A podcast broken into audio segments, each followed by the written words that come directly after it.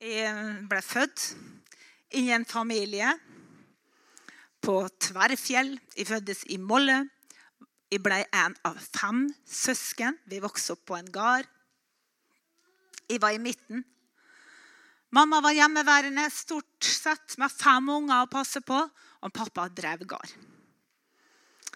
Vi hadde en god oppvekst. Vi lærte oss å jobbe den tida der.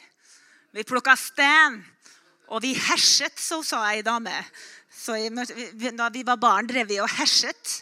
Ja, Hun kom fra Ernesvoja, da, så hun Men og plukka stein og ut og jage kyn og opp i siloen og Ja da.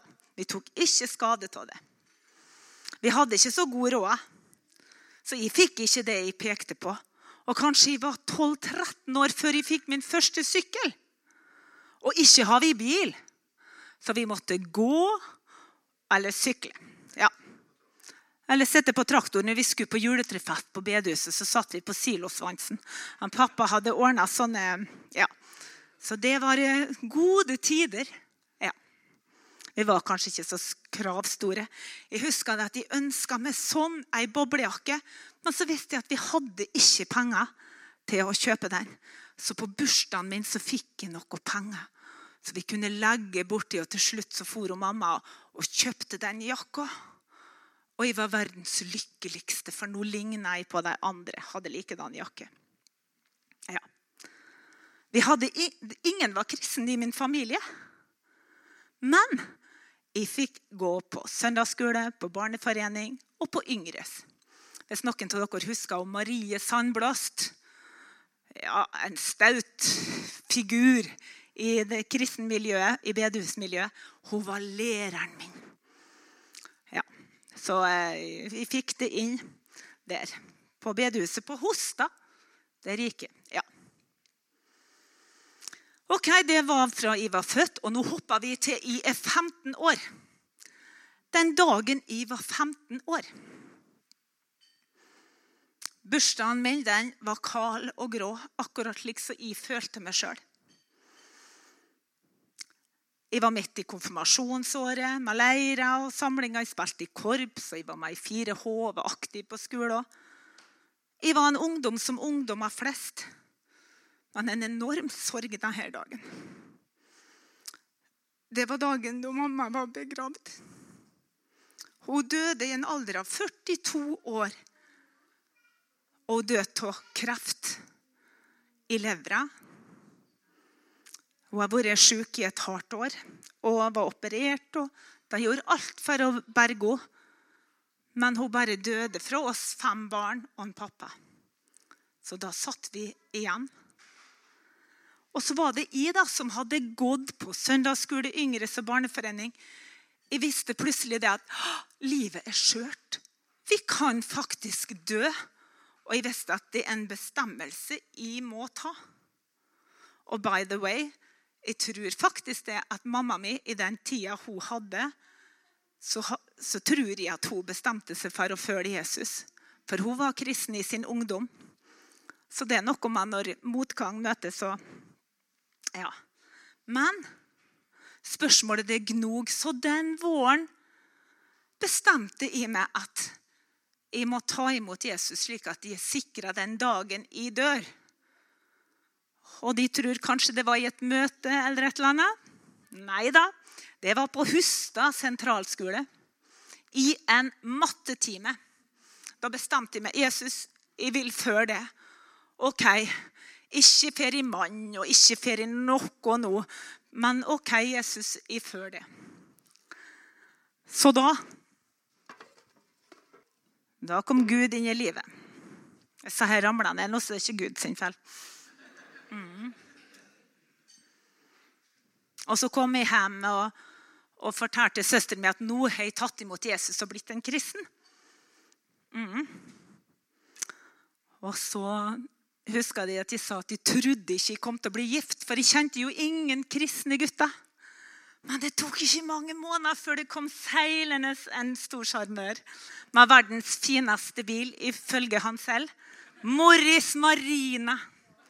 Ja, ja da. Og så går nå åra, da. Gifta oss, og vi fikk tre barn. Vi levde med Jesus og menighetsliv.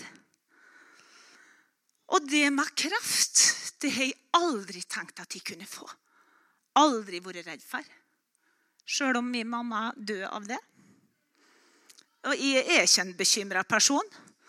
Og jeg har fått anklage fra mine barn at eh, det eneste de mangla i sin oppvekstfase, det var antibiotika, for det fikk de aldri.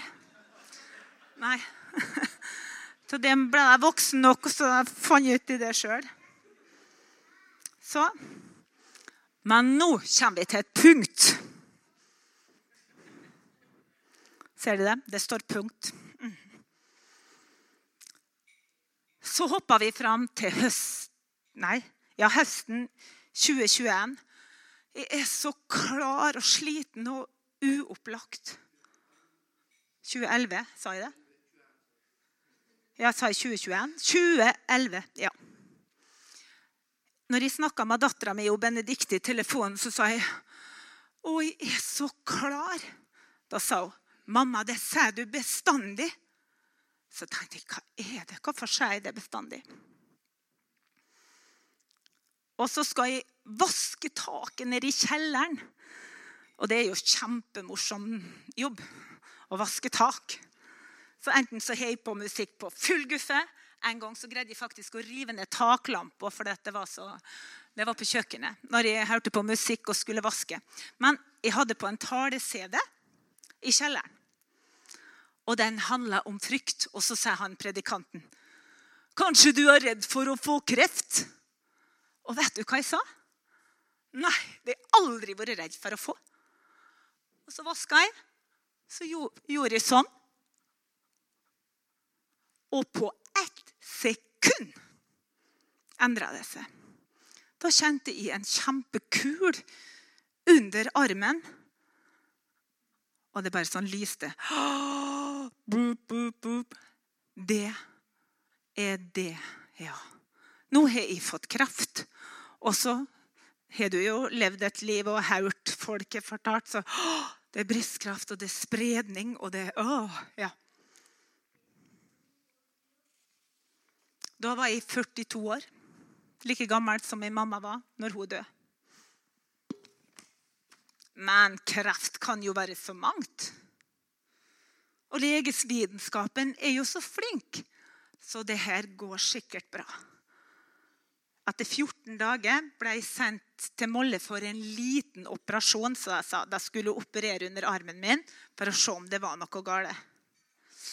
For å fjerne den kuren. Og når jeg våkna av den narkosen, så sa de det Det var litt mer enn det vi trodde. Vi måtte ta mye dypere, for det var så sammenfiltra. Og så sa de noe som var verst. Og du er sykemeldt fra jobb. Så det var det, liksom. Så, så det, vi kan reagere litt forskjellig. Tenk at jeg kunne ikke gå på jobb. Men eh, Og etter, etter Og de sa at det var veldig mistenkelig, men de kunne ikke si det at det var kreft. Og ikke turte jo i å si til folk at de var syke, når de egentlig ikke visste om de var det sjøl. De visste at de var det. Og det som òg er litt rart i den perioden, her, det var at Benedicte, dattera mi, hun sa til meg, 'Mamma, vet du hva jeg drømte?' Jeg drømte at du var alvorlig syk, mamma. Og så turte, men så sa du det ikke til oss. Og det er sånn mm. Ja, men da fikk jeg jo vite etter hvert. Mm. Og så ble det jo konstatert brystkreft med spredning til lymfen da, i første omgang. Og i, Den dagen skulle jeg på jobb. Og Jeg husker det at jeg, jeg sa til alle, alle fikk vite det, så sa jeg ikke si noe om det. For det var går kverna. sant? Og Jeg møtte Liv Ellinor og Lars og fikk fortelle det til deg. Og folk ba. Folk begynte å be overalt. Og... Den senhøsten så skulle jeg være med Jan Tore på nødhjelpstur til Ukraina. Men da sa doktorene at nei, det får du ikke lov til, for du må opereres med en gang. Og det var noe med at de må behandles så og så fort innen at de vet at det er sjukt. Men jeg var kjempefortvila og sa Gud, jeg vil til Ukraina. Også på en MR-undersøkelse så møtte jeg en mann som var engasjert i nødhjelp. Og så forklarte han det. Tror du virkelig det har noe å si om vi venter 14 dager før jeg tar den operasjonen? Så sa han OK, du skal få reise, men dagen etter at du kommer hjem, skal du opereres. Og, og i Ukraina da ble jeg tatt imot av venner som ba for meg. Og de tok med meg til en helbredelsespredikant. Vi kjørte en hel dag. Og der er det jo kanskje litt annerledes enn det her. Men han spurte meg er du redd for å dø. Nei, det er ikke. Og så sa han til Jan Tore du skal legge hendene på henne og be for henne hver dag. Og så ba han for oss, og så kjørte vi tilbake igjen. Og, eh, og så er det nå det, da. Nå har jeg blitt så mye bedferd. Kanskje, kanskje det er vekk nå? Skal jeg operere meg? Hva, hva sier Gud? Eh, det blir sånne mange følelser. Så jeg husker at når jeg kom inn til sykehuset, så sa jeg til han legen som skulle operere meg, han Hasselgaard eh, du, Hvis du ikke finner noe kreft, hvis det ikke er der, kan ikke du være så snill å bare sy igjen? da, Sy fint igjen. Så så han bare på meg så sa han, jeg skal love deg å sy fint igjen.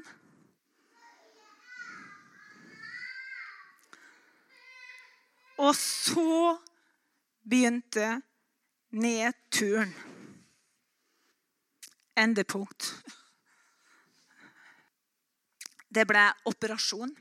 Da fjerna brystet mitt.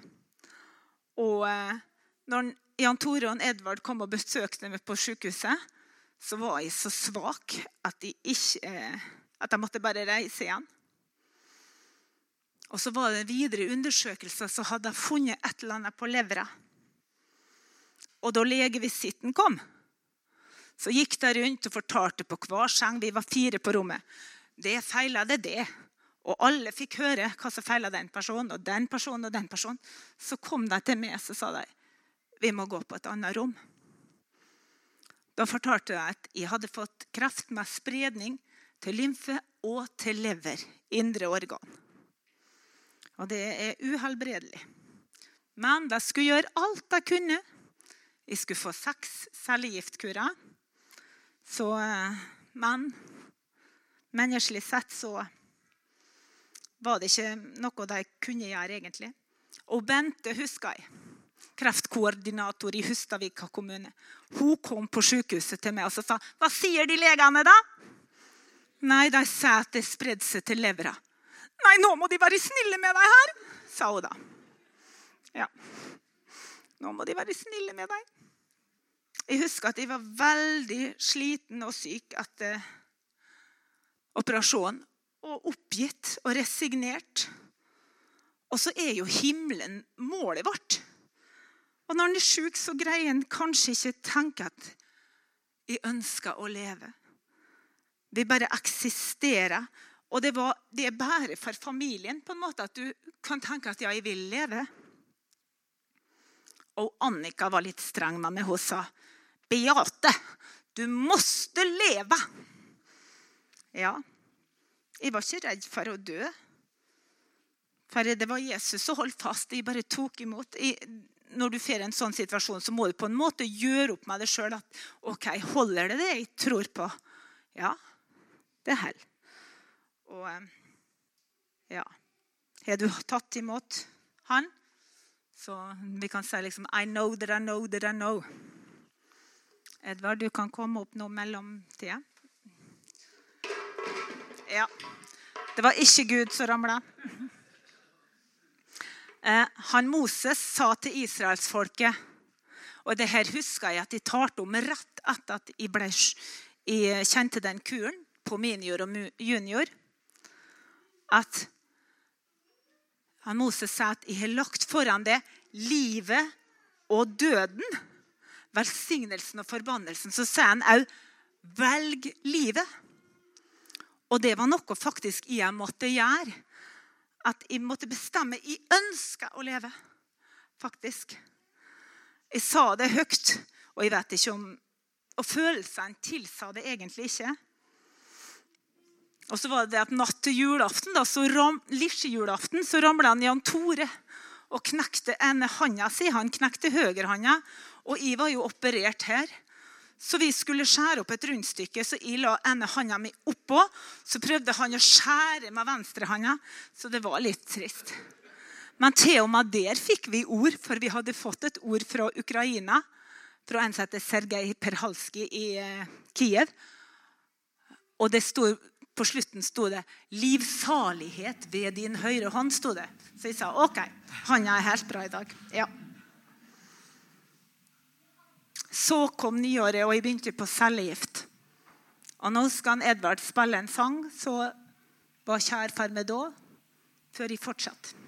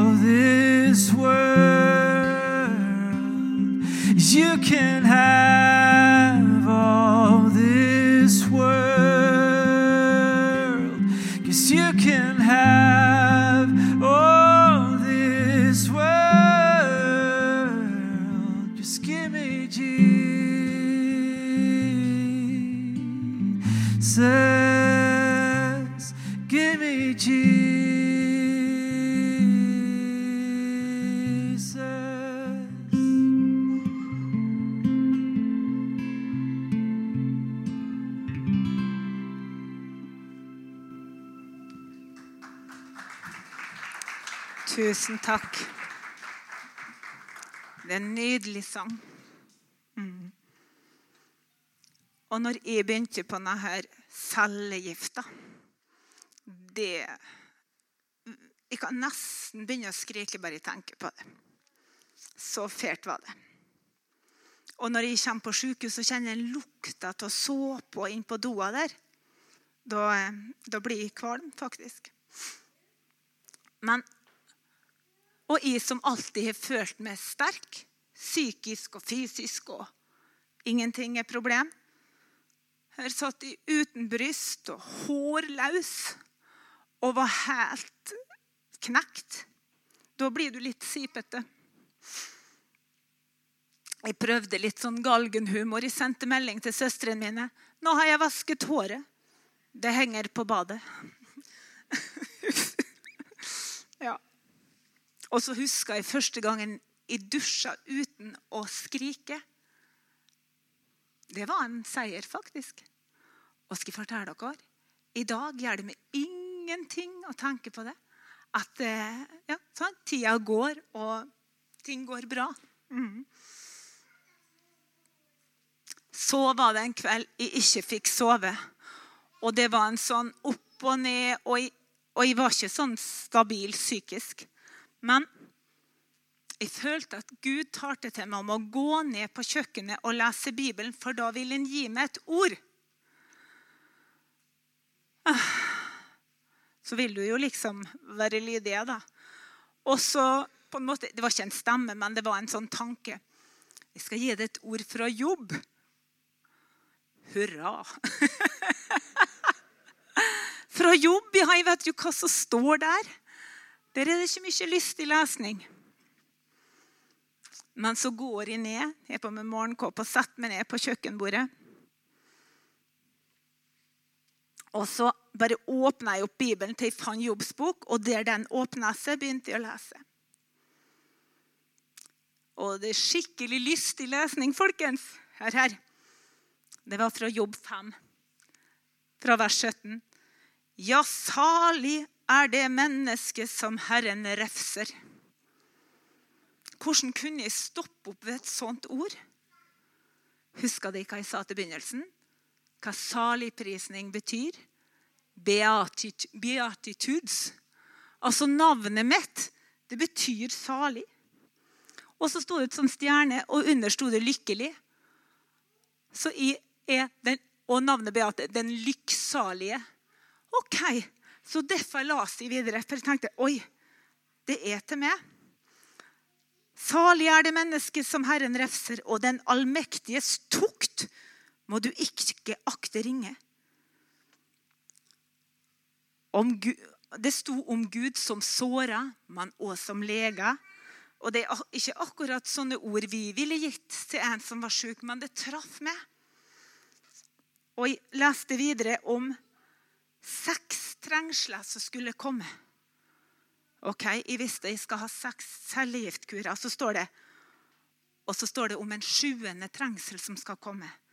Og jeg tenker, åh, og det sto om at Gud frir fra døden. Og så sto det du skal få se at din slekt blir stor, og dine etterkommere som gresset på marken. Dette var i 2011. Ingen av barna var gift ennå. Og nå er jeg veldig takknemlig og kan se tilbake på det, for nå har jeg fire barnebarn.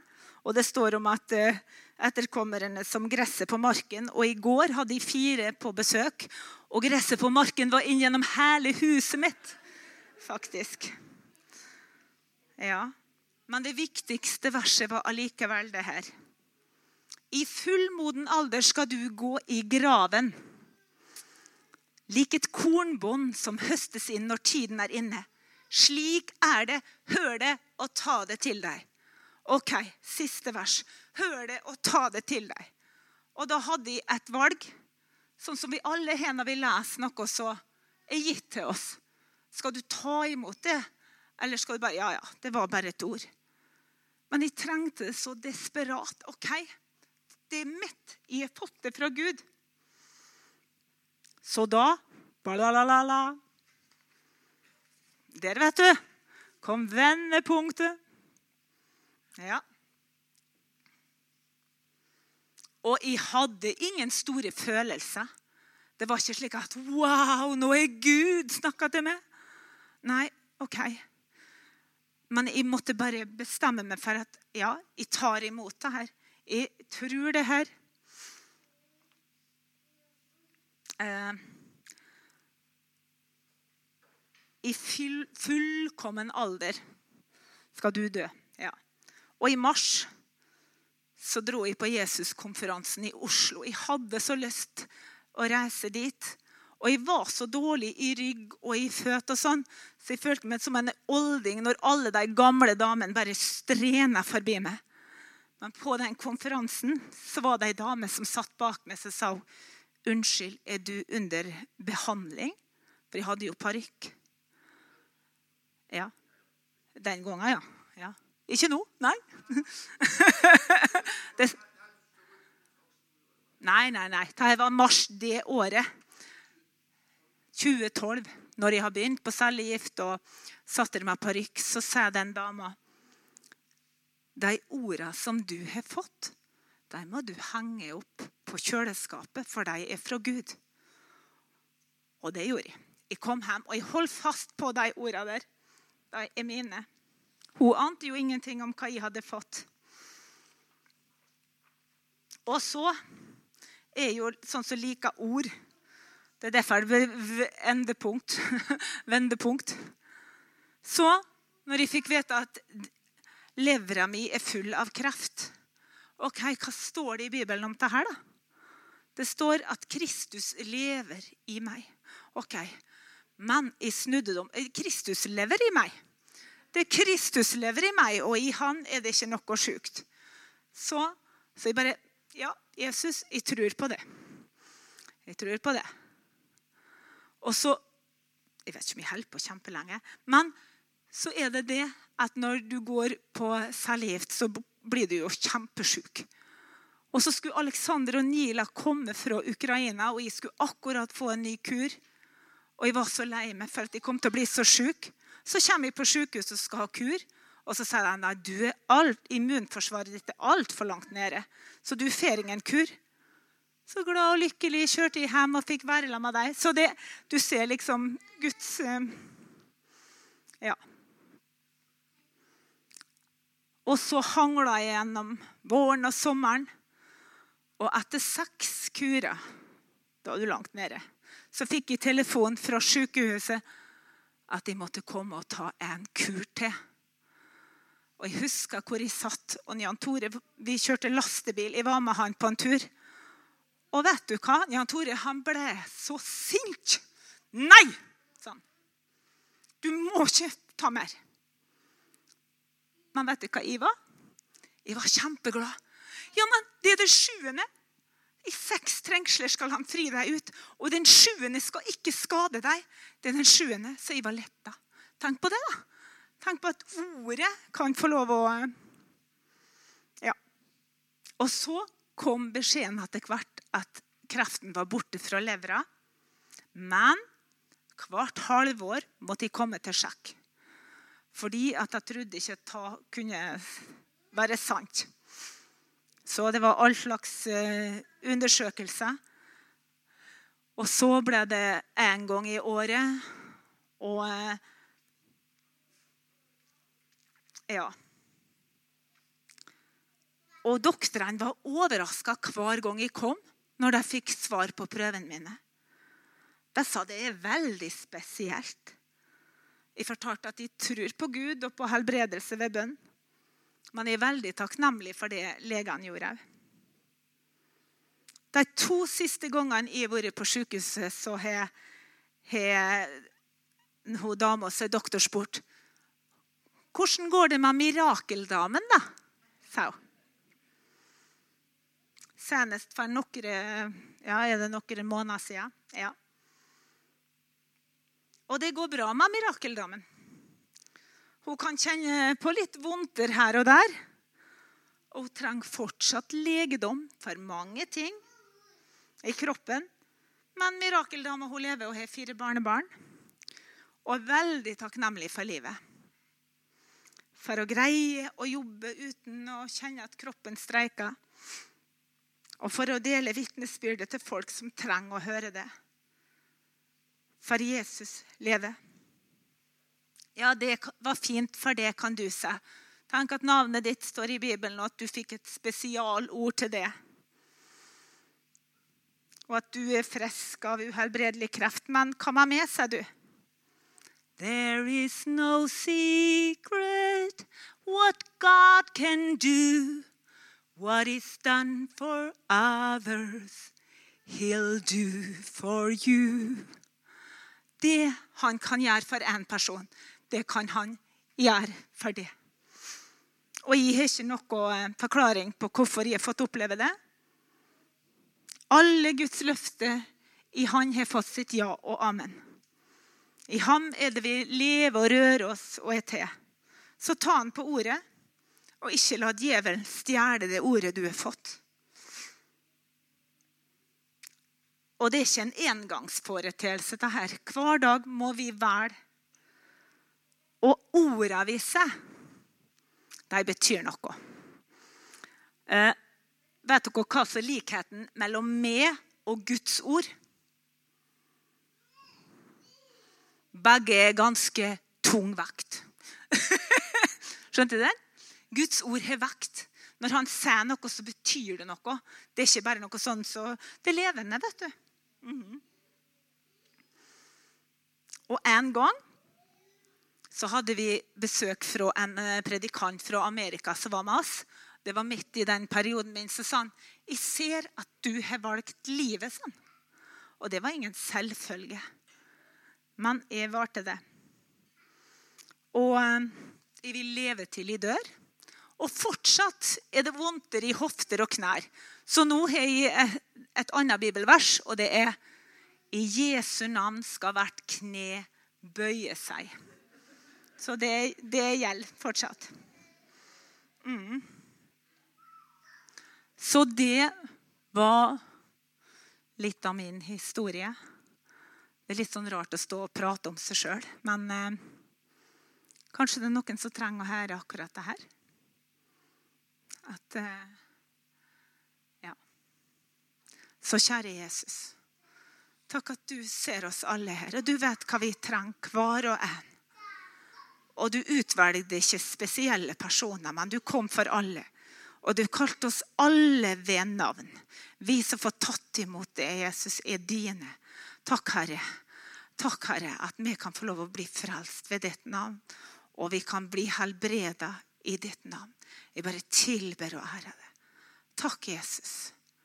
Jeg gir deg ære i Jesu navn. Amen.